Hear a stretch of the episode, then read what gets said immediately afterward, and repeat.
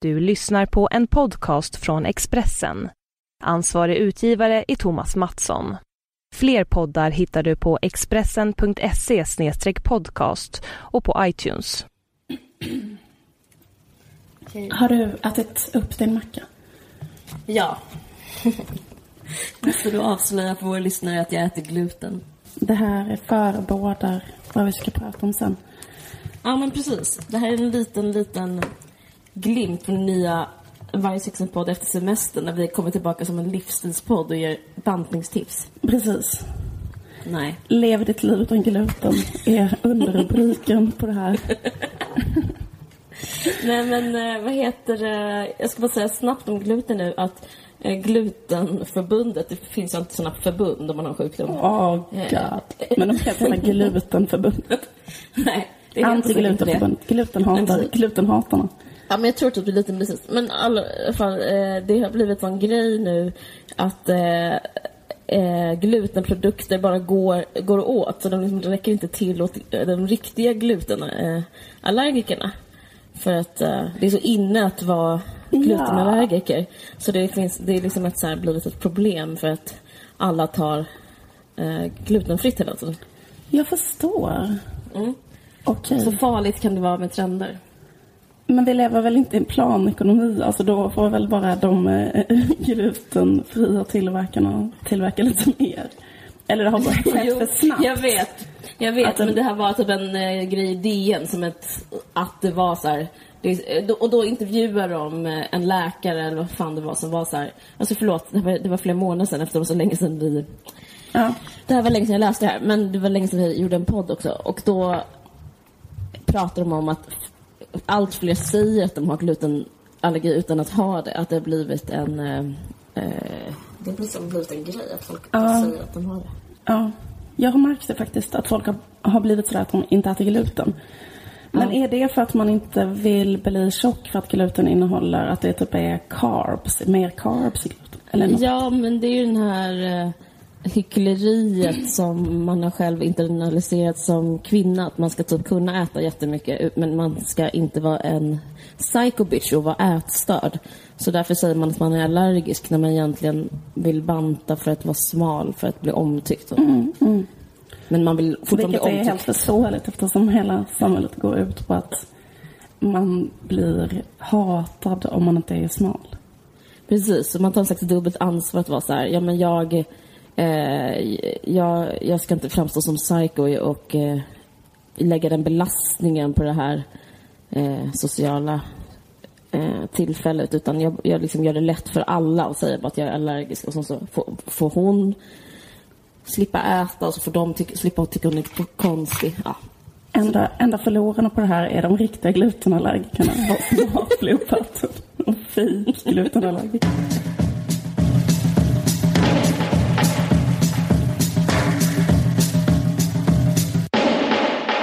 Kul att, eh, kul att vi börjar podda igen. Nu drar vi igång, förstår du. Ja, nu drar vi igång. eh, har det varit, eh, hur har din, eh, hur har din sommar varit? Kan du berätta för poddlyssnarna? För jag vet redan det, för vi pratade för några dagar sedan. det som har varit en katastrofsommar för vissa, att liksom, det har regnat mycket, har varit en eh, räddning för mig som gravid. Det är väldigt jobbigt att vara gravid i jättemycket värme.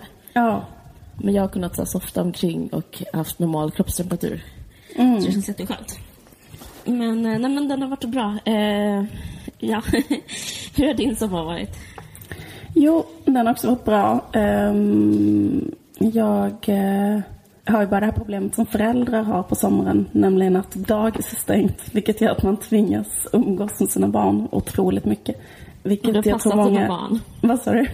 Du har passat dina barn. Jag var tvungen att umgås med mina egna barn. Nej, men att... Eh, um, jo, men att det är väldigt speciellt att så här, eh, eh, vara förälder på det sättet att eh, man måste umgås hela tiden med sina barn. Eh, och att... Eh, ja, man älskar dem, det är underförstått. Men grejen är att det är väldigt speciellt när man är så här, med sina barn tar väldigt, väldigt långa perioder och de inte är på dagis. Det, det är man inte så van vid i det här västerländska samhället. Nej. Men eh, typ, eh, det blir så väldigt, eh, en rätt så, så speciell tillvaro. För att man kan inte följa några egna infall eller beslut. Alltså typ så här, nu skulle jag vilja sova en timme, nu skulle jag vilja, eller så här, nu, nu skulle jag vilja vakna, eller nu skulle jag vilja gå en promenad, Eller nu skulle jag vilja äta, eller så här, utan man måste göra allting utifrån vad någon annan vill, liksom 24 timmar om dygnet. Om man gör det väldigt länge, Alltså jag förstår att det är ett i-landsproblem och att alla kvinnor liksom, det här är alla människors vardag. Typ. Försöker du få Men... mig att göra en sån här sen abort, typ? Vad heter det? Ja, I trettionde veckan. Nej men det låter jättejobbigt, det låter fruktansvärt. Ja men alltså det är också så här, det bygger på att man typ eh, älskar sina barn så därför gör det inte så mycket. Men grejen är att Um... Fast jag tycker inte det hör hit. Jag tycker inte det är liksom... Det är klart att det är objektivt jobbigt och tråkigt att alltid, alltid eh, göra saker man inte är så intresserad av framför saker man vill. Det är så intressant för att hela vårt, liksom, hela samhället i landet och whatever, Sverige, går ju ja. ut på att man hela tiden befinner sig liksom högst upp på den här behovstrappan, den där Maslowska behovstrappan. Eller en viss klass i Sverige befinner sig hela tiden högst upp. Och då håller man bara på med självutveckling. Alltså ja. så här, att man håller bara på med så här, hur man kan på olika sätt förbättra sig själv. Typ så här. Men det som är intressant med så föräldraskapet är att det, det ehm, tar en tillbaka igen till, till eh, där självutvecklingen inte längre är ett projekt, alltså när man då är med sina barn långa perioder, utan att de är på mm. förskolan. För då sysslar man istället med bara med då det reproduktiva arbetet, alltså något slags eh, arbete som går ut på att eh, fostra upp en ny generation. Det är, en det är ett helt annat slags jobb. Istället för att hålla på med den här grejen som eh, en viss eh, del av eh, samhället, högsta skiktet, skiktet på samhället hela tiden håller på med. Nämligen så här, det du brukar göra. Ja men exakt, men det är också så här typ träna sin kropp. Jag vet inte vad mm. för grejer. Mm. Göra något som känns härligt. Så mm. Men ehm, ja, nu ska jag inte säga att alltid är så. För de är ibland hos sin pappa och då kan jag typ göra de grejerna. Men det är liksom ehm, det är bara liksom en iakttagelse. Tycker du att det är liksom karaktärsdanande på något sätt? Alltså, finns det någonting som är eh, alltså, trots det självoutvecklande så blir det ändå liksom utvecklande på något sätt. Nej, jag tycker Nej. faktiskt inte det. Jag tänker, finns något positivt att liksom träna sig i att ge upp sig själv lite då och då? Att eh, jo, trä men... träna sig i egots liksom, eh, klor? Alltså att fly egots klor på något sätt. Så jag tror det är det som gör att alla, liksom, eller att det finns en sån jättestark föräldratrend i Sverige idag som är så här, mm att liksom alla, alla liksom typ måste vara föräldrar i hela Sverige och alla mm. måste skaffa barn och alla liksom Nej men och att män är, är pappalediga jättelänge. Nej men det finns, jag tror att det är mycket, mycket mer så i Sverige än vad det är typ i Italien, Frankrike, Spanien, i andra länder, eh, Tyskland. Att liksom ja. folk i Sverige så finns det liksom en sån grej som är så att, typ att om det är liksom 35 och typ inte har några barn så är det liksom en, en mycket, mycket, mycket, mycket större grej i Sverige än vad det är i, i andra länder. Får jag känslan av. Aha, jag har tolkat det helt annorlunda som att liksom, i Italien så är det det är ett sätt att liksom nästan slänga sig i fängelse att bli mamma där. Ja. För, för man, det är så extremt ojämlikt. Ja. Och jag hade nog inte heller velat bli mamma om jag bodde i Italien för att eh, då tar man typ hand om en jättebebis och en liten bebis. Eh. Nej, nej, precis. Nej, men alltså, nej, men det beror det ju på till hundra procent. Men det gör väl också att det kanske inte är den här jag tror att det gör att... Nej, men precis. Nej, som kanske inträffar för alla människor i Sverige. Att det blir så här, nu har alla mina kompisar barn. Och om inte jag har det också så kanske man blir mer eh, socialt mm. stigmatiserad än vad man blir i länder där det inte är lika vanligt att skaffa barn. Liksom. Mm. Mm. Eh, vilket jag tror gör att kanske många känner sig lite så mer pressade kanske i Sverige att göra det. Ja. Mm, även om det är liksom för att... Men, men oavsett vad det beror på så känns det som att så här, väldigt många i Sverige också, eller jag tänker att många, just den här grejen att, att det blir en slags liksom respit att ha barn.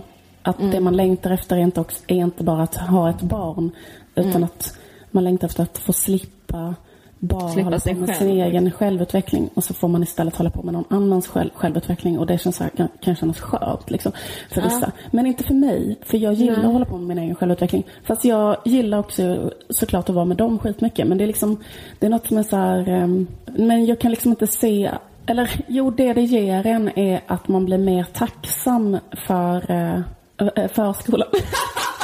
mm. Nej, man blir mer tacksam för uh, man kanske, man kanske, när man inte, alltså när man hela tiden har självutveckling bara och det är det enda man kan göra så, så vet jag också att då blir man typ jävligt trött på det och tycker det är skittråkigt. Och man Ja, vill, jag tänker att det är ett sätt att öva sig att bli lite mer relationell och lite mer socialt skillad och sådär. Att man umgås med människor istället för liksom... Ja men det gör man väl också när man håller på med självutveckling. Då kanske man umgås med typ kompisar eller någonting. Fast det är ju det här att bara hela tiden göra saker med små barn. Fast det är också Mm. mysigt och det har ju liksom såklart jättemycket som är positivt. Men det tycker inte jag att jag behöver säga i den här podden. För Nej, det vet absolut alla liksom. inte. Ja. Ehm, Nej men okej, men jag kan säga lite vad, vad jag har gjort eh, lite mer som är att jag har eh, Apropå ämnet, förlåt att det här är som typ eh, Fredagspodden, men, men det ska snart sluta med en riktig spaning. Men eh, som gravid så har jag, jag har foglossning, alla trogna lyssnare minns min foglossning. Och jag har varit sjukskriven i två månader. Och det är så, eh, en snabb recap är att det inte görs någon forskning i Sverige eller världen på foglossning, för det är en kvinnosjukdom. Och all smärtforskning, jag hörde på Annika Norlins eh, PMS-sommarprat, hörde du det? Nej, jag har tyvärr inte hört men jag ska göra det. på, hon sa en intressant grej och det var det här att eh, all smärtforskning och som PMS ingår, eh, PMS liksom anses som en slags smärta, den görs på män. Alltså, eh, för att man eh, kan inte göra enligt medicinska ve- vetenskapen eh, forskning på kvinnor för att de har mens. För det är så, eh, det blir så random då. Så därför är liksom den eh, smärt... Eh, åtgärd som kvinnor får är baserad på mäns kroppar. Så det är lite så, det är lite bakgrund, bakgrund till uh, foglossning som är en smärta som man har som gravid, som jag har jättemycket av. Eh, Ja, så att, jag kan säga, jag kan berätta för Ja. lyssnarna att jag träffade dig um, häromdagen och det var ju helt sinnessjukt. Eller typ att, att, att du är så här nu att du liksom, ja men typ, du kan, du kan typ sitta max en timme, annars måste du ligga ner hela tiden. Du kan typ Ja. gå en halvtimme och då får du jätteont efteråt. Så du är i princip bunden till sängen. ja, alltså jag kan inte gå en halvtimme. Jag var coolade mig för dig. Alltså på riktigt var det så. Jag att jag, jag, det var för typ att eh, jag ville vara normal. Och, och det är faktiskt rätt så intressant. Det är ett sidospår, men jag har fått en ny... Jag vet inte. Jag typ börjar bry mig om andra grupper i samhället på grund av foglossningen. Typ gamla människor Ja. eh, kan jag börja liksom känna in. Alltså, min empati har ökat och liksom, jag kanske, kanske, kanske kommer börja liksom prata om funkisar snart. Jag vet inte, jag får se. Men hur som helst, det som är att det inte finns någon forskning och ingen medicin och ingen hjälp att få. Förutom då men det finns liksom en uppsjö av eh, alternativmedicin. Och, och det, alltså det finns, alltså jag har varit hos så extremt många olika eh, akupressur, massörer, osteopater. Jag, imorgon ska jag till en naprapat. Jag får akupunktur två gånger i veckan. Alltså, och det, jag tycker det är så himla intressant för jag är liksom uppvuxen med att eller, ja men, ja men jag kommer från liksom en läkarsläkt och Ja. eh, jag är uppvuxen med, ingen har sagt det rätt ut.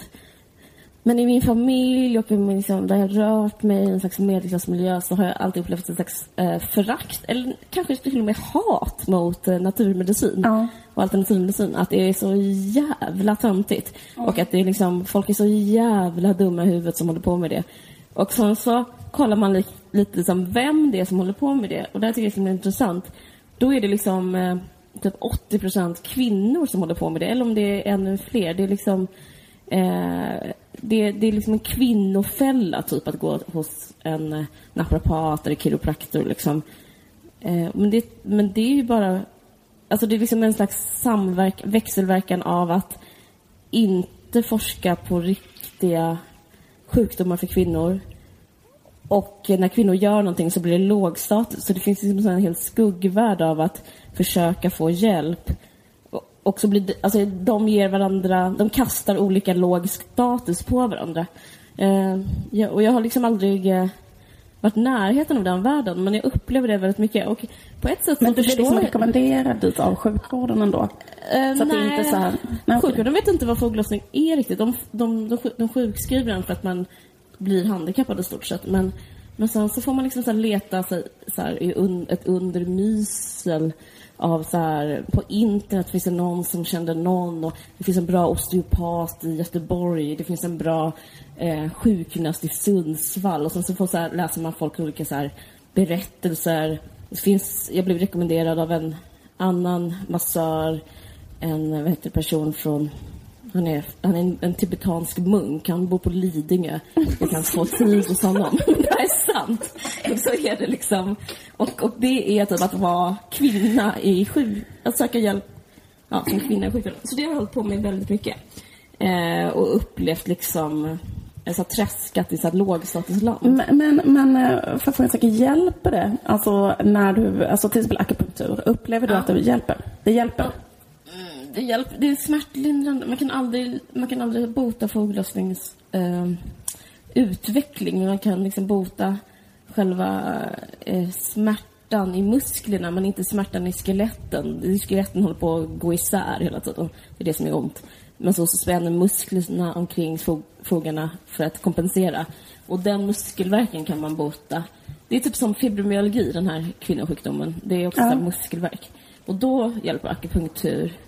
Men framförallt rätt så mysigt att någon bara säger så här, jaha, du har ont, jag förstår. Uh, för det gör ingen i sjukvården. Jag har även varit hos en... Uh... Men det är också jävligt sjukt att det är det du har kommit att nöja dig med, att någon säger så. ja, jag tycker jag vet. Men uh, jag har sett så väldigt många fina kliniker. Det, det, är på ett sätt ett slags... På ett sätt är det ett slags mys. Men har du varit hos den tibetanska munken? Nej, jag har ringt honom. Han, han hade semester. Alla har semester. Eh, men jag semester från att vara munk? ja, men han är, han är på så här hälso, hälsocentret eh, på Lidingö. Alltså, han är, alltså det är typiskt att den massören jag var hos, att hon var så här Ja, men din energi skulle passa med den här tibetanska munken. Du får numret. Eh, för att, alltså det är helt inne att vara munk i, de, i den världen. Alltså man får svälja så mycket av sina egna eh, liksom sätt att vara på innan. För man bara, ja okej, vad fint att min energi kanske skulle ändå kunna matcha. Och så håller man på att prata så som att prata med ett barn. Alltså att inte är ding-dong, men man bara går med på det. För att få typ lite, lite lindring. Men jag bara menar, alltså min insikt om det är så här, ja men tacka fan för att det är låg status för det är bara kvinnor som gör det. Idioter, sjukvården, ni hatar er. Typ så. Okej, men så du har ändå fått en känsla att alternativmedicin är bra, eller? Men jag vill inte säga om det är bra eller dåligt. Mm. Jag bara säga att det är det enda som finns och att eh, det blir sämre och sämre status på grund av att eh, det är ingen som gör forskning på kvinnosjukdomar. Så liksom, eh, det, det, det är samhällets eget fel. Liksom. Men jag måste säga att jag är så glad att det finns så få män inom alternativmedicinen. För de männen som jag har träffat som har på med alternativmedicin, det kan vara liksom den värsta mansgruppen i samhället. Nej men alltså det är verkligen sån skräck. Jag, jag har sån skräckminnen av att i min yttre bekantskapskrets haft en sån akupunktör. Typ en sån, jo men männen utför ju, det är fortfarande en sån grej att typ männen Alltså det är ju det är, det är inget matriarkat. Det är ändå så att det är kvinnor som är kunder och, och typ Ja, här, ja, du menar kvinnor. Och sen är mannen typ en sån Sen är mannen en guru liksom. Exakt, typ en sån självlärd som phony doctor som tittar på en och typ tar ens puls och sen säger så här Eh, du behöver sjunga i kör.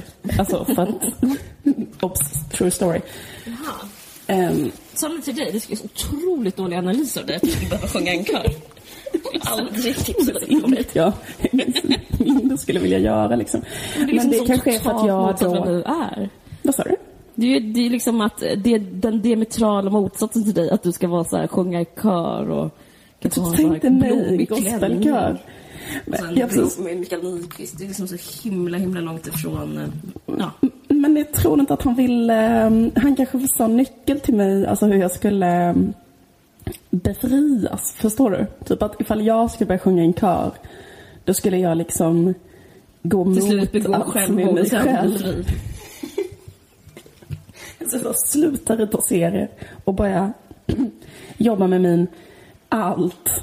Eller vad fan det heter. Jag vet inte ens vad det, vad det är. Men, eh, nej, men grejen är att eh, han kanske hade rätt i det att, eh, att det är säkert svinhälsosamt att sjunga i en kör och att överhuvudtaget eh, liksom, eh, han kanske menade så här, du, måste, du ska slappna av, bejaka livet. Eh, men jag tror också att det var liksom en, det är så typiskt någon, eh, en sån slags person som träffar en feminist att vara så här, jag vill bara att du ska vara glad och eh, bejaka livet istället för att liksom ja, göra en analys typ, och vara kritisk mot någonting. För det är så, här, det är så dåligt för din, eh, för din aura. Ah, skitsamma. Um, men det är, har du sjungit i kören någon gång? Det är så riktigt tråkigt, jag måste säga det. hamnade i en sån kyrkokö när jag var liten. Det var ju fruktansvärt.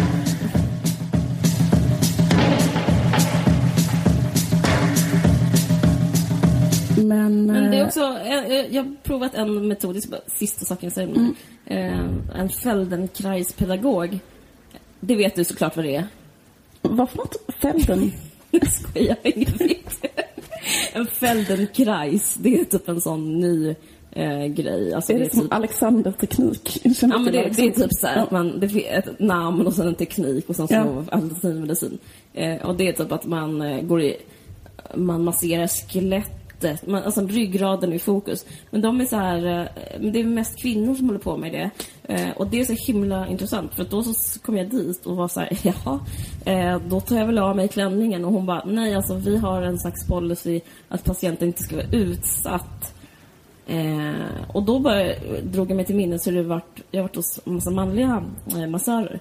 Och då, det är liksom så här att det finns en norm kring att bli masserad som är så här, ja men typ ett kön, det är totalt avdramatiserat. Det är ju bara ett kön, det måste få massage som vilken kroppsdel som helst. Eller inte riktigt. Okej, jag överdriver. Men röven är så. Röven är så här. Ja, men det, är, det är en muskel. ja, men okej. Röven är en muskel. Det är så. Så är det att bli masserad. Röven är en muskel som vilken muskel som... Och då har jag alltid känt så här, det är så jobbigt typ så här, vem det nu är, även en kvinna. Jag har varit hos två kvinnliga massörer, också. Och de, att de liksom alltid... Men, har, men man är så utsatt liksom. men jag tycker det kan vara ett problem när man är en massör att de säger såhär, ta av dig kläderna. Och så är man såhär, vad menar du med det exakt? Alltså de så här, för jag har en kompis som var såhär, en kvinna som sa till honom Ja. så här. Ta av dig alla kläderna så kommer jag in. Så gjorde han det. Så kom hon in och bara gallskrek. Sjuka människa. Och han bara, eh,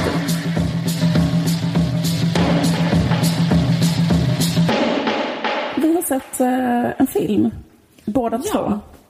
Den här precis. filmen om Amy Winehouse som heter Amy. Ja, av regissören Asif Kapadia. Ja, Kapadia. det här är svinbra. Den var faktiskt eh, otroligt bra. Mm. Det var det vi hade. Nej men grejen är att eh, jag, vi ska inte berätta om drömmar i den här podden och vi kommer heller inte berätta om vad filmer handlar om. Men jag skulle säga att den handlar om Amy Winehouse i en kronologisk ordning från att, alltså hennes artisteri tills hennes död. Ja. Och eh, alla, den, den var ju redan känd, den historien. Jag var svinrädd. Eh, jag såg den här bion ensam. Ja. Och jag fick också, bara för att beskriva stämningen eh, innan vi börjar prata om vad den handlar om. Eh, att jag fick också så här, panikångestattacker under hela filmen, om och om igen. Och sa- satt, var tvungen att gå, sätta mig på en egen plats och sitta så andas in och andas ut. För att det är så jobbigt att eh, se hur det blev bara värre och värre och så. Ja, precis. Ja. Så det, det, säger någonting om hur bra det är, men också om hur, Hur, hur, verkligheten, fruktansvärt eh, liv hon hade. Eh, det handlar om att hon... Det, det är så hemskt allting. Det är en tragedi liksom. Ja men så var det också i eh, den salongen där jag satt att folk bara typ gnydde eller var så åh Mm. nej. Alltså, bara så här, mådde dåligt av det som hände. Det är Vad tyckte så... du om filmen? Nej, jag tyckte den var svinbra. Det var, det var ju väldigt intressant den här grejen att ehm, det är så jävla mycket ehm, så privata um, men typ att hennes tjejkompis kanske har filmat henne med mobiltelefon eller något sånt där när de typ är ute. Eh, så eh, det är liksom en sån grej nu att man liksom kan det var jättemycket sådana. Alltså filmen bestod ju jättemycket av sådana slags klipp. Typ. Ja, väldigt bra Eller så- footage. Alltså det var väldigt eh, imponerande att de också... Eh, Ja men också att säga något om tid, att folk liksom... Vet du vad jag tänkte på? Jag bara, för jag filmar aldrig någonting. För att jag tycker det är så tråkigt att tänka så här, när ska jag kolla på det här? Ehm, men ehm, men det, det, gör, det gjorde ju att man kan få... Alltså det var ju vissa grejer som var filmade som var såna sjuka jävla liksom nycklar typ till allting. Alltså jag tänker till exempel, det var en scen för hon har liksom, hon blev ju så här, äh, det går liksom inte heller att förstå hur känd hon var. Eller så. Att, att hon, var, hon var ju liksom så känd så att det var, och också så här att hur många människor som har sett den här filmen nu, att den typ redan har slagit alla så här rekord. Alltså, att det finns sånt eh, bisarrt allmänintresse av henne och har gjort liksom, ja. Eh, I alla fall, och att det var så fruktansvärt många människor köpt den här plattan och så. Men när hon har gjort den här låten då, Rehab, och sen så har hon, hon håller på med heroin med sin kille och sen så är, har de blivit liksom eh, tagna till ett behandlingshem och då håller hennes kille på att filma med sin mobiltelefon och, säger, och försöker tvinga henne att sjunga Rehab-låten när hon är på rehab. Typ. Eh, och så vill hon liksom inte det. Eh, och så säger hon, så bara tittar hon så här, I don't really mind being here. Alltså hon försöker säga, han tar inte det på allvar överhuvudtaget och ja, vill ju bara fortsätta knarka. Typ. Och hon är så här, vill typ lite grann sluta. Ja, det är så jävla hemskt. Det är så Ja, det är sjukt starkt. Eh, men precis, men grejen är med henne att hon eh, var så, är typ en sån här judisk eh, arbetarklasstjej Mm. från utanför, utanför London och sen så gick det bra, eh, började som gästsångerska, gick det, blev lite mer popsångerska. Så träffade hon den här killen som vi pratar om nu, som Mm. heter Blake. Och så blev hon så här, det här tycker jag är så himla intressant med konst, känslor, alltså det finns, och ehm, alltså konst och känslor. eh, Ja. Eh, Att hon blir så kär i honom att hon eh, liksom eh, börjar skapa sitt liv kring honom. Ja. Alltså hon börjar bli typ som en installation eh, eh, med honom på något sätt. Att hon bara, jag, hon sa flera gånger i filmen fick man veta att hon hade sagt Jag gör allt för dig. Och det brukar man ju säga om man är kär. Men hon verkligen gjorde allt för honom och kände att hon, men som man känner när man är kär eller någon gör slut. Att om, hon, om han gör slut med henne så kommer hon dö. Och så var det sån stämning hela tiden. Och sen så gjorde det han slut för han hade en annan tjej och då blev hon svinledsen. Sen blev hon svinkänd och då blev, dök han upp igen som gubben i lådan. Hela hennes platta handlar ju om deras förhållande. Så det är också den där plattan hade ju hon aldrig kunnat göra utan den. Alltså Nej, Back to Black handlar ju bara om det. Ja. Precis, men sen lämnar han den tjejen och Ja. blir ihop med henne och sen så... Eh, för att han är ingen god människa enligt filmen. Jag säger liksom ingenting om verkligheten men... Eh, och eh, skor sig lite på henne och typ eh, gillar crack, kokain och heroin. Och eh, introducerar det för henne. Och då vill hon känna de känslor han känner. Så att då liksom har de eh, denna dyra drog som så här, en, det är det, de håller på med. Men, eh, men jag måste säga att jag fick en hela tiden, alltså nästan obehagligaste grejen i hela filmen är att jag inte tycker att de har kemi. Alltså förstår du vad jag menar? Jag tycker inte han verkar så kär i henne. Det är så läskigt att, eh, att se någons kärlek. Alltså det är så jävla farligt. Ja, liksom att hon blir utnyttjad. Det det är, så, jag, det, det är så jag läser hela filmen. ja. Eh, Vad säger du? Tänkte du på Ja, jag, eh, det känns ju som att han i främsta eh, rummet är liksom en missbrukare som är beroende av heroin och att han är med henne för att han ska få pengar för att kunna köpa knark för han hade väl inte kunnat göra det annars antagligen. Eller så. Eller typ, det, får jag som att det är liksom mycket det som är hans case för att vara ihop med henne. Typ. Jag vet. Exakt så är det. Men det är så synd, då offrar han liksom Amy fucking Winehouse på kuppen. Alltså det är så... Det är så himla... Det är så här grekiskt tragiskt. Alltså jag vet inte. Jag blir så... Alltså... Jag... jag, jag hon är ju så... Hon är ju så jävla bra också. Eller var så jävla bra. Hon är typ en av de största konstnärerna vi haft i vår moderna tid det hon gör, det är liksom så... Ja, hennes musik och hennes texter och hennes...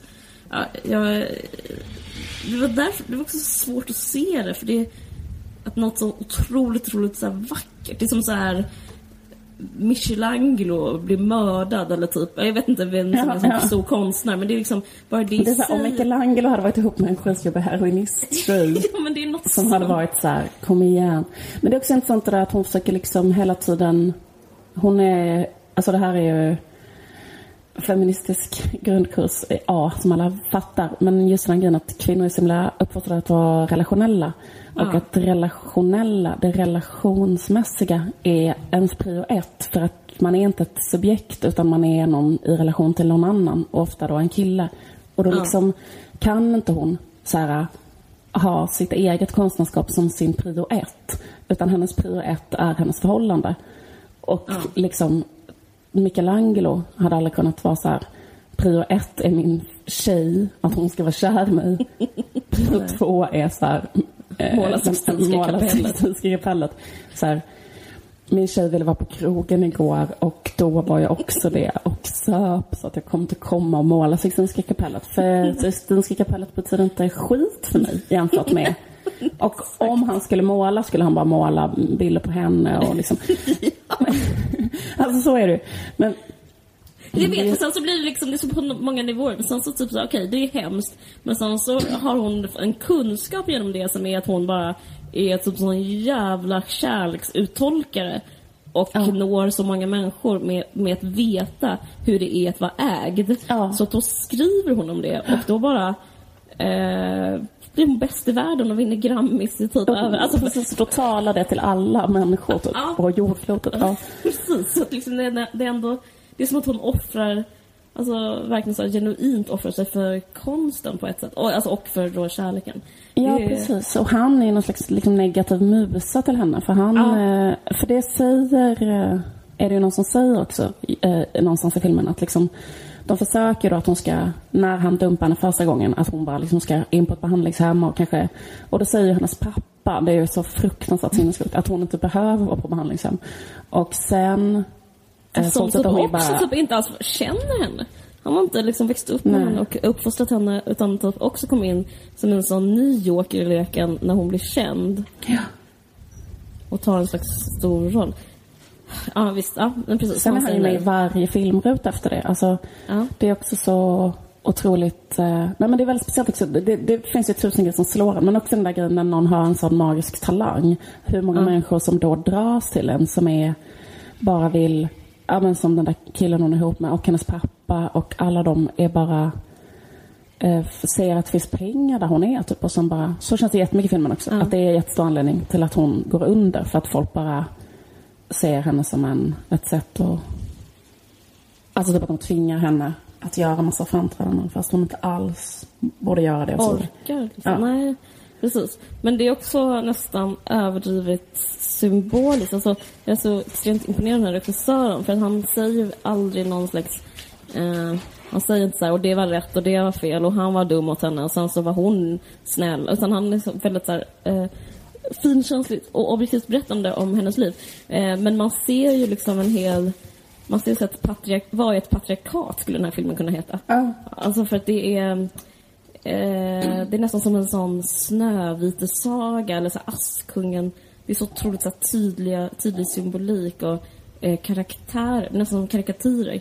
Att hennes så två goda vänner, Julie och heter Kim eller Kylie? Lauren. Lauren, precis. Eh, de, när allt är gott så finns så är hon så med sina vänner och sin mor. Så ja. eh, när, då är allting så fint. Men sen så, så här, när saker och ting blir nasty, när han eh, Blake skär sig med en flaska och hon skär sig med samma flaska för att känna samma sak. Då liksom bara byts alla så män ut, eller alla kvinnor ut mot män. Ja. Och hon är liksom som att hon åker typ till, också jag tänker på så här sagor, så här Astrid Lindgren, hon åker till, vet du Tengil nästan. Alltså hon åker till så ett mörkt land där det bara är män som så här äter av henne på något sätt. Mm. Och hon är långt ifrån sina vänner, långt ifrån sin mamma. Och sen så bara är hon de här männens våld tills mm. hon dör. Det är någonting som jag tänkte på som är så här, som feminist och typ som människa. Att eh, man pratar ju ofta om systerskapet och vik vikten av att vara vän. Att ha vänner överhuvudtaget mm. och, och inte mm. bara umgås med sin kille och sådär. Att eh, det är så himla viktig grej. Som jag, jag känner mig som en sån person, sån antirasist som bara postar saker om SD på Facebook när jag säger det här. För att jag jag känner mig igen mig i henne så himla mycket för att jag, jag umgås liksom bara med min kille och aldrig nästan med mina vänner mm. nu för tiden. Och jag fattar, jag fattar inte vad det där är. Men du vara uppe bara en halvtimme om dagen. det är sant, det är sant. Men jag känner igen mig ändå. Jag känner mig så himla så här isolerad och är bara med min kille och en sån dålig... Och liksom att man liksom... Man glider ifrån någon slags styrka på något sätt. Ja. Eh, jag vet inte. Det är, det är som en lyx som, man, som hon inte får. Den här grejen att så här, ha ett starkt tjejgäng. Ah. Alltså men det är också straff liksom. Ja, alltså, men också den där grejen att hon eller jag tänker också alltså det med att eh, förälskelse är som fruktansvärt stark drog. Alltså att det är typ en... Eh, den där grejen att om man är i det, speciellt att hon hade ett sånt där superdestruktivt on-off förhållande som tar över mm. hela ens värld så här, Då kan man liksom inte heller vara med någon annan. Alltså typ så här, är man med någon annan så är man som en jonkare som hela tiden mm. bara... Alltså man kan inte vara så här åka hem till en tjejkompis och ha en härlig helg med henne. Alltså för, för, för det är liksom som att... Det är liksom som att hjärnan är bara helt ockuperad av liksom att inget, allting annat i hela universum har förlorat sin färg och det finns bara liv på ett enda ställe och det är när man är med den här personen. Liksom. Jag vet. Jag vet, så... men så tycker jag det är kärlek rätt så mycket överlag. Eller så ja. samhällets bild av kärlek är ändå så att, eh, jo, det är, väl, det är väl gulligt och mysigt att ha en kompis. Men handen på hjärtat, en tjejs bästa vän är hennes man. Mm. Eh, jag vet inte. Det var, det var bara så mycket sorg. Även det var så, så smärtsamt att behöva med, liksom påminnas om. Liksom, det är ju en gammal men, Ja, precis. Men så känns det som att det blir så jävla mycket värre för henne för att hon är så... att hon är liksom...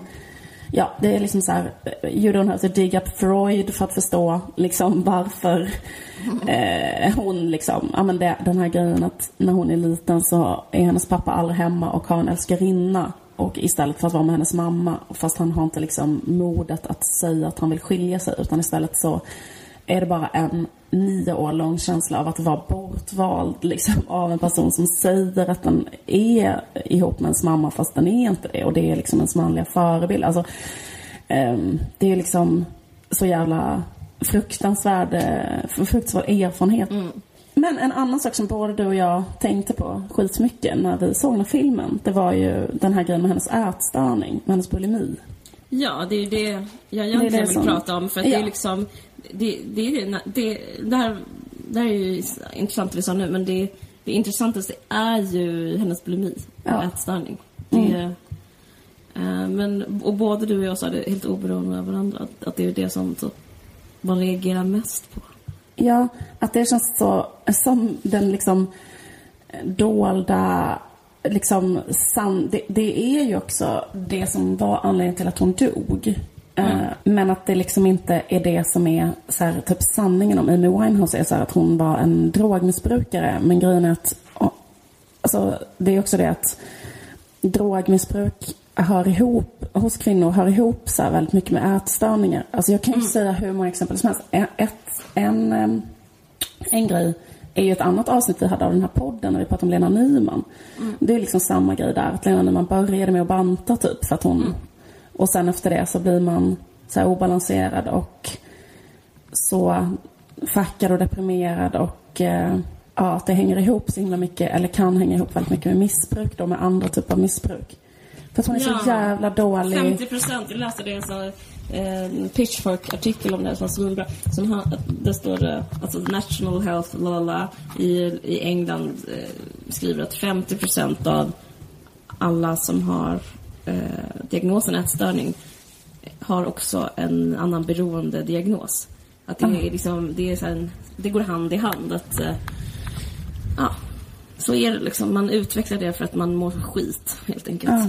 Men en annan sak som man inte liksom diskuterar eller känner till är att äh, ätstörningar är den mental disorder, vad heter det? Alltså psykiatriska Psykiska sjukdomen. Mm. Ja, som äh, det är störst dödlighet. Alltså det är större mm. än självmord, det är större än depression och det är större än äh, överdos och alkohol. Alltså det är det, det är liksom otroligt stor dödlighet. Alltså det är så otroligt allvarlig sjukdom. Ja.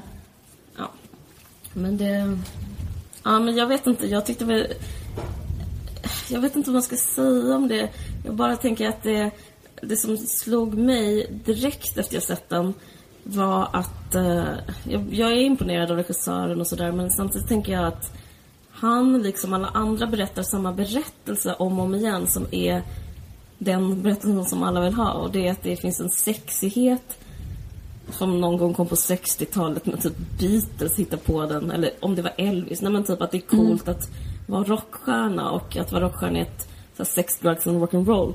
Att det, det är den historien och den historien är så viktigare än allt annat. Att det finns en status i det som eh, eh det finns status och självdestruktivitet. Att det är liksom spännande och romantiskt och sexigt så här, med lite kanyler och lite spritflaskor. Men, men eh, ingen vill liksom berätta eh, den självdestruktiva historien när den handlar om bulimi. Nej. Och det är egentligen den historien som finns där. Mm. Eh, jag vet inte. Jag, det känns skevt. Ja, precis. Så det kan jag säga, alltså om man inte har sett filmen så är det ju så. Hon, det var ju att eh, när hon dog så hade hon inte tagit eh, droger på ganska länge. Utan det hon hade gjort var att hon hade druckit skit mycket alkohol och att hon hade haft bulimi så himla länge så att hennes hjärta, alltså hon dog av hjärtstillestånd liksom. Mm. Och, då, eh, och det hade liksom läkaren upptäckt. Varnat för? Ja, varnat för exakt. Typ att om du... Men det är så vidrigt också det där i filmen när de säger så här bara att en läkare säger så här, someone as petite as Amy Winehouse, eh, liksom att, eh, att hon är så jävla petit. Vilket är så, här, så här, världens äckligaste uttryck också. Uh. Um, som är så här, eh, en så liksom tunn och eh, fragile, petit liten flicka ska inte dricka så mycket alkohol för då dör man liksom. Uh. Men grejen är så här att um, anledning till att, eller så här, hon var inte petit, hon såg ut som en helt normal tjej fram tills, liksom fram tills hon gjorde sitt andra album. Och det är också det att, jag tänker så här, hur det är att vara en kvinna i offentligheten är så mm. otroligt, um, liksom, det är ju kravet för att du ska få vara i offentligheten som kvinna, mm. är att du ska vara så smal som Amy Winehouse var på sin andra platta. Liksom att, det är liksom um, Precis, hon var inte petit utan hon typ kände, hon gjorde sig, hon, hon så här, hon kräktes ner sig så ja. hon blev som en liten fågelunge. Ja. Och då är det så, och hon är så petit. Och det var ju så här synkroniserat med att hon blev så jävla känd. Mm. Alltså, hon hade tänk... inte blivit så känd om hon inte hade varit så smal. Det är det som är så jävla sinnessjukt i det här samhället. Det... Att mycket av hennes attraktionskraft var ju hur hon såg ut. Liksom. Att hon... Ja, jag tänker också typ, för jag tänkte så här, försökte känna, känna in det på något sätt. Och att jag kan ändå förstå att man, eh, att hon kanske är så här, man, man ska typ som folk bantar ner sig för ett bröllop. Alltså den känslan. Ja.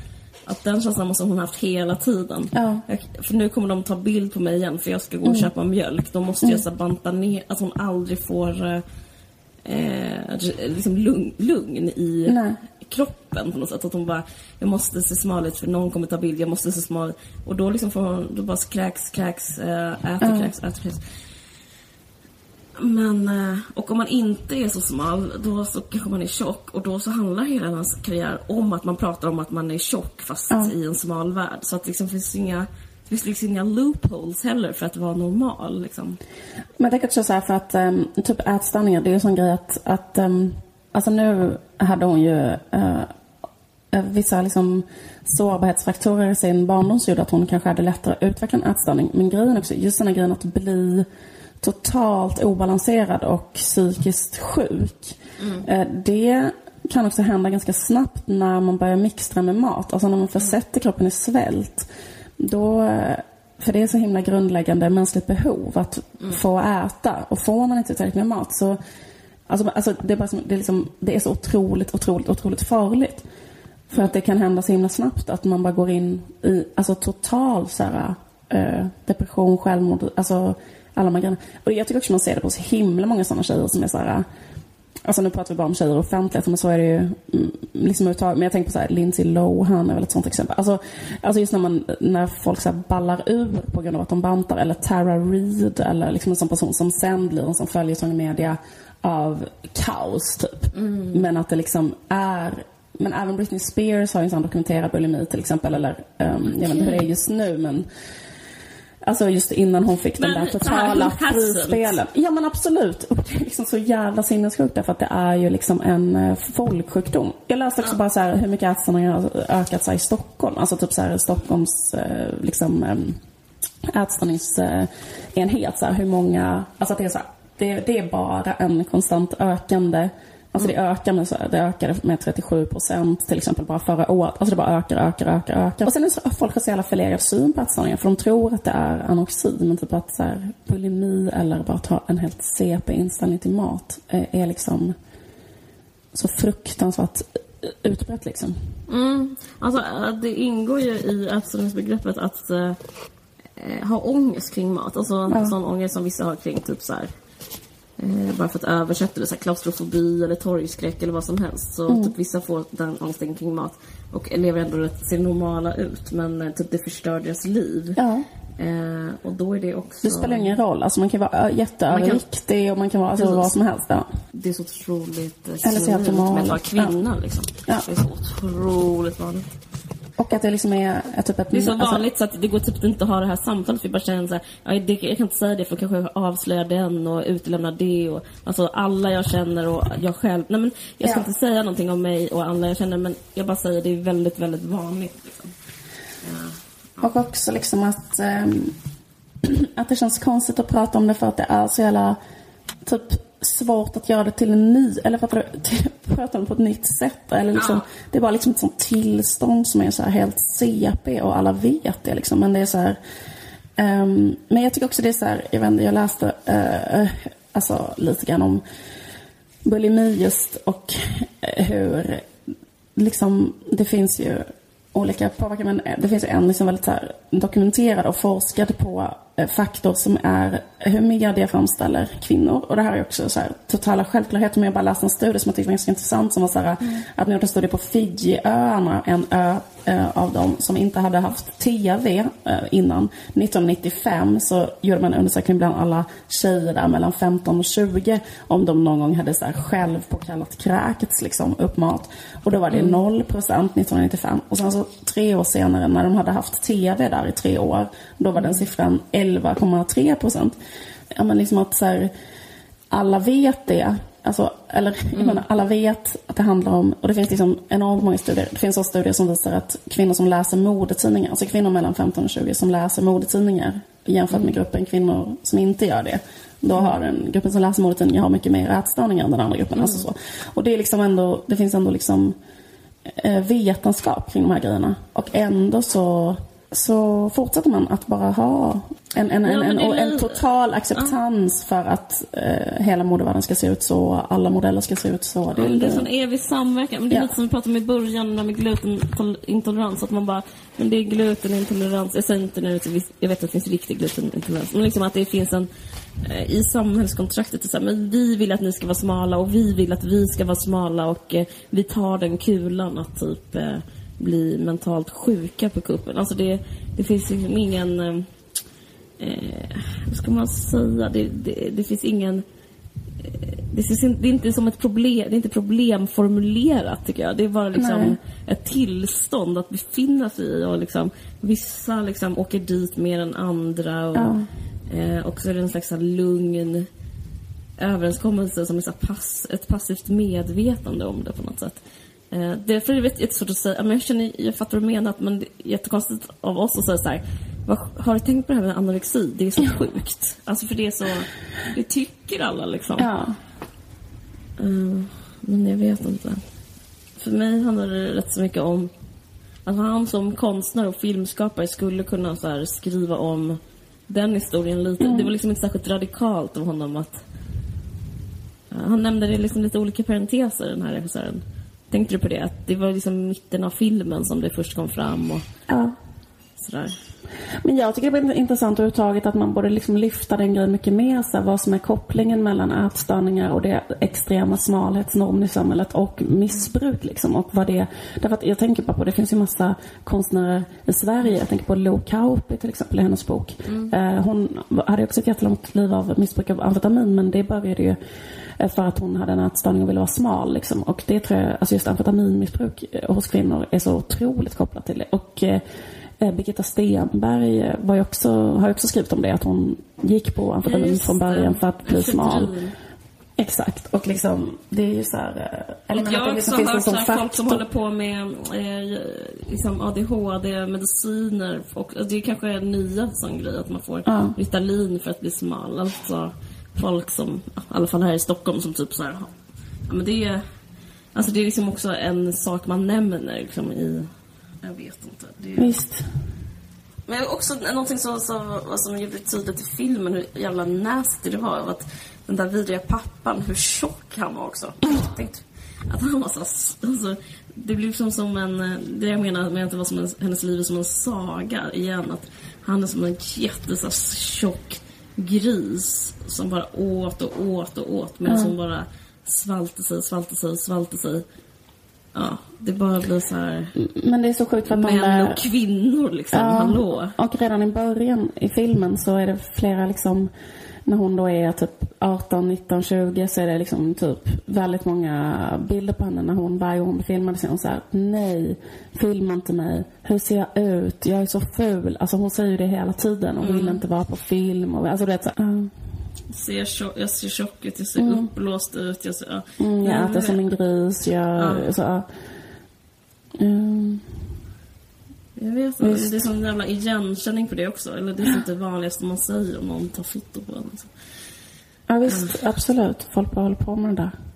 Jag vet inte vad man ska göra. Det känns som att nu bara, både du och jag bara, okej okay, men det här såg vi men det är som, inte, som att vi har något att eller så här, vad, vad ska man göra? Ja, men det hade varit ganska intressant. Tänk om man hade haft den vinkeln på hela, på hela på hela programmet. Alltså, så här, eller man, man, man, man hade kunnat göra en annan film som handlar om som bara handlar om det. Uh. Som bara handlar om så här, alltså vad, liksom hur kroppen på riktigt så här, påverkas av ätstörningar. Dels att så här, man dör och får hjärtstillestånd av bulimi under en lång tid och att det är ganska vanligt att, alltså, eller förstår du jag menar? Bulimis koppling Jo, jo, jag vet. Alltså, men så vad vi kan göra, alltså jag bara tänker så här. Det känns som eh, jag kommer inte åt ätstörningar. Jag vet inte. Alltså, jag känner mig inte smart när jag tänker på det. Jag, vad, vad, vad, är liksom... Finns, vad gör man? Vad ska man säga om det? Vad det finns. Ja. Jag vet inte. Men, eh, men minns du det i filmen när de sa, när hon pratade med sin livvakt och hon bara Är det normalt att inte få mens när man är 25? Ja. Varför, får inte, varför kan inte jag bli med barn? Så, mm. Det är också så här bara, det, är också, det var bara uttryck för liksom, ja, men hon är, hon är ätstörd liksom. Men också den grejen så att när man tittar på kvinnor, hur kvinnor kroppar ser ut i eh, liksom alla modetidningar och så, så är det att de är så underviktiga så att de inte har mens, väldigt många. Alltså, mm. det är så ett, ett stadie av undervikt där din kropp inte längre fungerar. Och det är också så här, eller så här, det är också så här den här grejen att folk är så bara, åh varför kan jag inte bli gravid? Man bara, ja för att, alltså för att så här, poängen att en kvinna ska se ut så, fast om man ser ut så så slutar hela kroppen fungera. Alltså, ja. ja. Mm, det, är så... det, var, det är någonting med så beskrivningen av en, vad en normal kropp är, för det är ju ingen normal kropp. Nej. Alltså att det är därför det kanske är så äckligt, som du sa, att de kallar henne petit. Liksom petit är liksom som en sån, nej men vi bara beskriver en kropp och den råkar vara petit. Men det är liksom eh, eh man kanske skulle behöva lite mer så beskrivningar. Så här, hon i det här modemagasinet hon har alltså säkert anorexi, hon är ätstörd, den där artisten verkar lida av en sjukdom. För att det är liksom den bilden. Alltså det påminner mig lite om när jag var i Chile. Jag skulle liksom, eh, var i Chile första gången med min pappa som återvände. Eh, som, och då så var det, jag tror jag sagt det till dig innan någon gång, så var det om att alla alla på TV och alla tidningarna var blonda och vita och alla mm. på gatan var alltså latinos eftersom de var i Chile. Så bara, och särskilt kvinnorna. Alla kvinnor, jag menar, alla kvinnor var så blonda, vita kvinnor. Och ingen såg ut så på gatan. Och det är ungefär samma känsla med, ehm, med så ätstörningar. Att man bara, men bilden av vad som är normalt är inte samma sak som är normalt. Men mm. det är mm. bara så accepterat liksom. Ja, det, det, är också lätt att känna sig präktig. Jag, jag menar inte typ att jag inte bryr mig. Och, alltså. men jag tror liksom inte att det går att man själv ska vara så här bara, nej jag har en egen privat verklighet. Då skulle man ju nästan vara sinnessjuk om man skulle så här, kunna leva utanför samhället på det sättet. Att man inte någonsin skulle se. Men, men eh, men jag vet inte. Jag läste så här, uh, lite grann hur uh, liksom vad som visar sig fungera när man så här, och då var det, det var en ganska konstig grej. Jag undrar vad det är egentligen. Men typ så att det är tydligen så enligt så här, vetenskap kring uh, kroppsuppfattning och sånt att de som känner att de är tjocka som läser en modetidning och tittar på sådana bilder mår dåligt när de tittar på de där bilderna. Men folk som känner själva att de är smala mår bra när de tittar på de där bilderna. Eller som känner sig smala. Det är bara en eh, perception som liksom inte har så, så jävla mycket med verkligheten att göra. Alltså ofta. Utan bara hur man känner. Så och, mm. och, och, när man kunde då träna folk att uppfatta sig själva eller känna sig smala. Då eh, mådde de bättre och kunde titta i sådana tidningar. Typ att så här, öva dem på att tänka att de var smala. Liksom. Okay. Eh, men jag tycker också det är lite svinkonstigt för att jag menar man ser ju inte ingen, eller så här, vissa gör det men nu, det är ändå ganska få kvinnor som ser ut som en sån tidningskvinna liksom. Och det verkar så konstigt att bara så här svika sig själv till att tänka så. Bara, jag är liksom, eller jag vet inte. Men det kanske är någonting med att, tänka, eller jag vet inte, att tänka då att man själv är snygg, att det, det får en att må bättre. Var det liksom terapin för, eller vad? Ja men typ att det var så en verkningsfull metod att så träna in folk att tänka så här, uh, att identifiera sig som den personen bara istället för att uh, tänka det där så där ser inte jag ut. Så ska man tänka så här, mm, där är jag.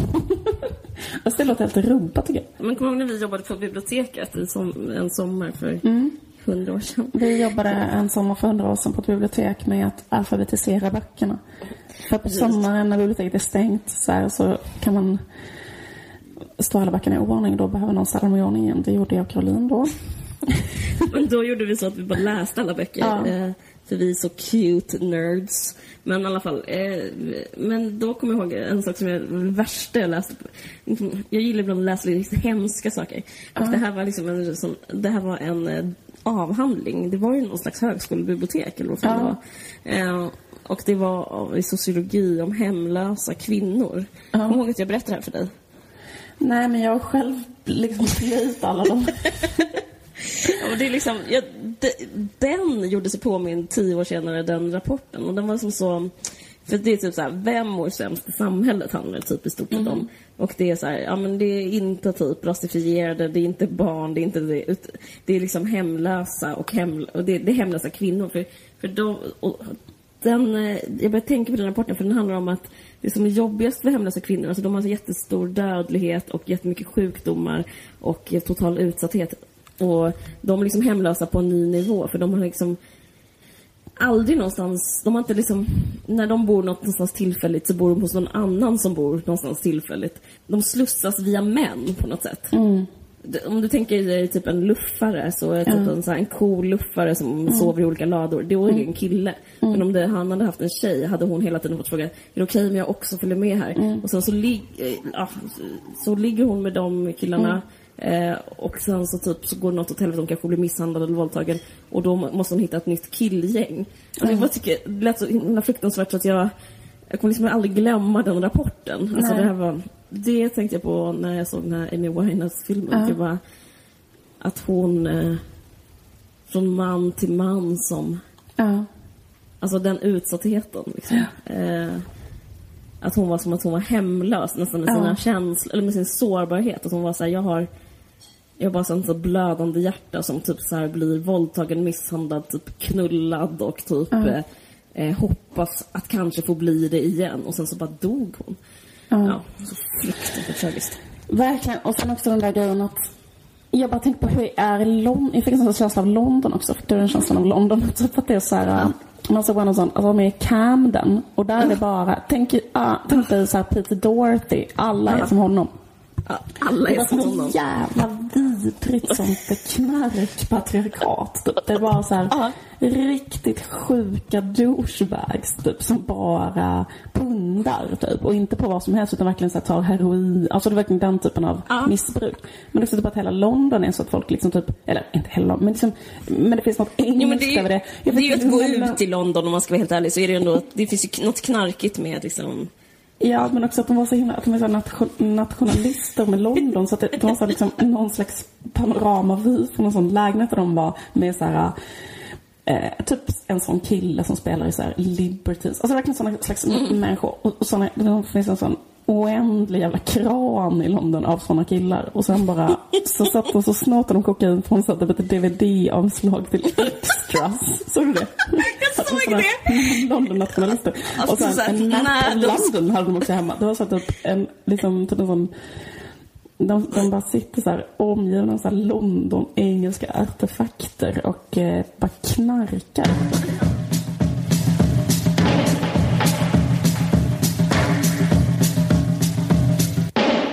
Sak som har hänt mig i sommar är att um, jag har blivit en shopaholic. Eller nej, det har inte hänt mig direkt. Men jo, men alltså men det är så sjukt med det här shopaholic-begreppet. Jag gjorde ett sånt test på uh, Aftonbladet uh, om är du en shopaholic? Mm. Och då är liksom... Var du det då? Uh, ja, jag var det då. Men jag... men jag tror för mig så hänger ihop med att um, jag har så här, börjat tjäna, eller som att det senaste året har tjänat mycket mer pengar än vad jag har gjort innan. Mm. Uh, och då liksom, um, då, då blir man så här bara, men aha, men då kan jag köpa, det kan jag säga en fin grej, bara, men då kan jag lika gärna köpa den. Alltså för det finns liksom inget hinder så. Uh, mm. Som man innan hade, har haft ganska mycket hinder som att man inte har några pengar. Pengar, ja precis. uh, och, men det som är konstigt med shopaholic-diagnosen, för en grej är att man ägnar jättemycket tankearbete. Att man väldigt ofta tänker på inköp eller på saker som man skulle... Eh, alltså jag köper bara en enda grej och det är kläder. Alltså jag saknar fortfarande typ en osthyvel. Alltså, men, men, eh, men jag tycker bara det är kul att köpa kläder. Mm. Jag tycker det är jättetråkigt att köpa så här inredning och typ sådana saker. Så då eh, har jag liksom, eh, vad ska man säga, en begränsning till det.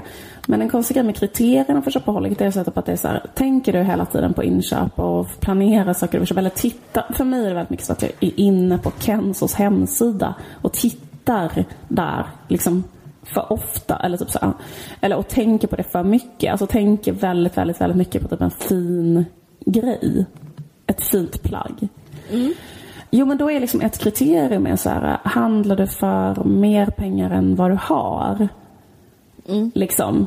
Och då är man en shopaholic. Liksom. Typ om man övertrasserar sina konton och sådana saker. Mm -hmm. Om man handlar på så här, krediten på kontot? Ja, exakt. Typ så att det blir ett problem.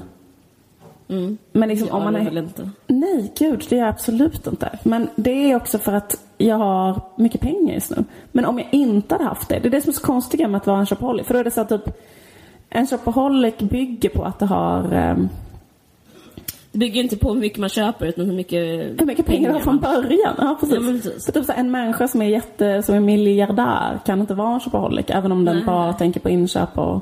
Fast det är väl det de är. Alltså att man byter ut alla sina vad ska man säga, all annan hjärnaktivitet eller all annan sysselsättning. Jag tror väldigt att många människor som är rika bara håller på med att planera och genomföra inköp. Alltså att man kommer till en... Det är inget problem. Alltså jag måste säga att jag, Nej, det är jag, problem, jag, jag blir en motståndare till det lite för att så länge man så här, har ett eh, fungerande liv så är det väl skitsamma. Ja men precis, exakt. Lyxfällan kan ju aldrig, skulle vara helt meningslöst om det handlade typ om Donald Trump. Nej men precis. Men så här, Donald Trump, eh, eller Donald Trumps tjej, Melania. Är han fortfarande upp med Melania? det, det är du som vet. det är jag som vet. jag visste inte att de var ihop. Han är ihop med en sån. Eh, en tjej som är typ... Han håller... Eller jag kommer ihåg att han håller på att prata om hela tiden hur vacker hon är. Att hon är så fruktansvärt... Liksom det är hans, um, hon är hans liksom modell från öststaterna. Hon heter Melania. Men... Um, det är hans smak lite. Var inte Ivanka också? Jo. Jag gillar det.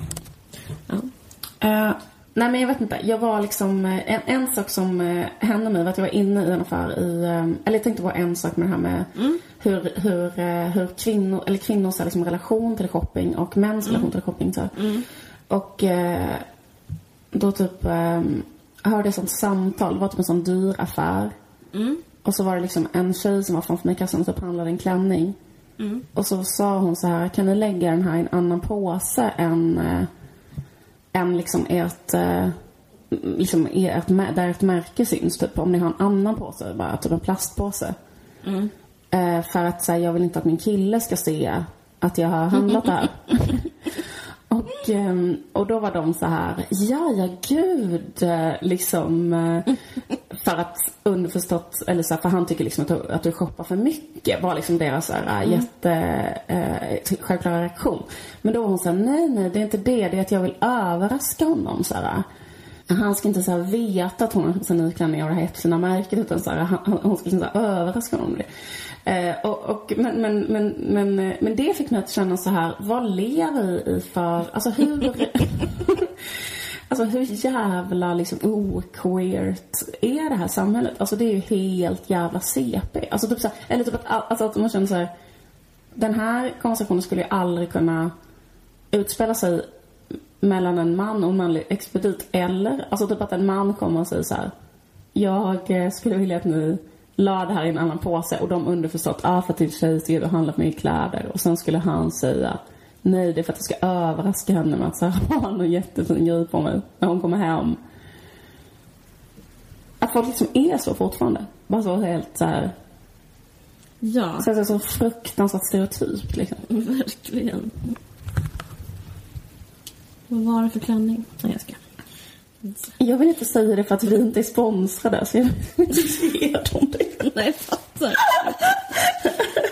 Det är typ det man tänker när man hör den här historien. Ah. Nej men det var ett svenskt eh, märke av en kvinna som gör väldigt mycket sjok kan jag säga. Då förstår jag.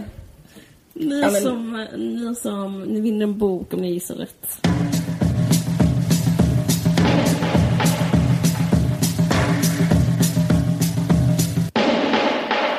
Ja, ni har lyssnat på En varg söker sin podd. Jag sänder live on tape från Stockholm och eh, jag heter Caroline Ringskog Frödanoli.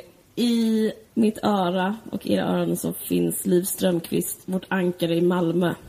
Eh, den här podden görs i samarbete med Expressen Kultur. Ja, tack för att ni har lyssnat. Hörs igen. Hej. Tack och hej. Tack och hej. Hej. Du har lyssnat på en podcast från Expressen. Ansvarig utgivare är Thomas Mattsson. Fler poddar hittar du på expressen.se podcast och på iTunes.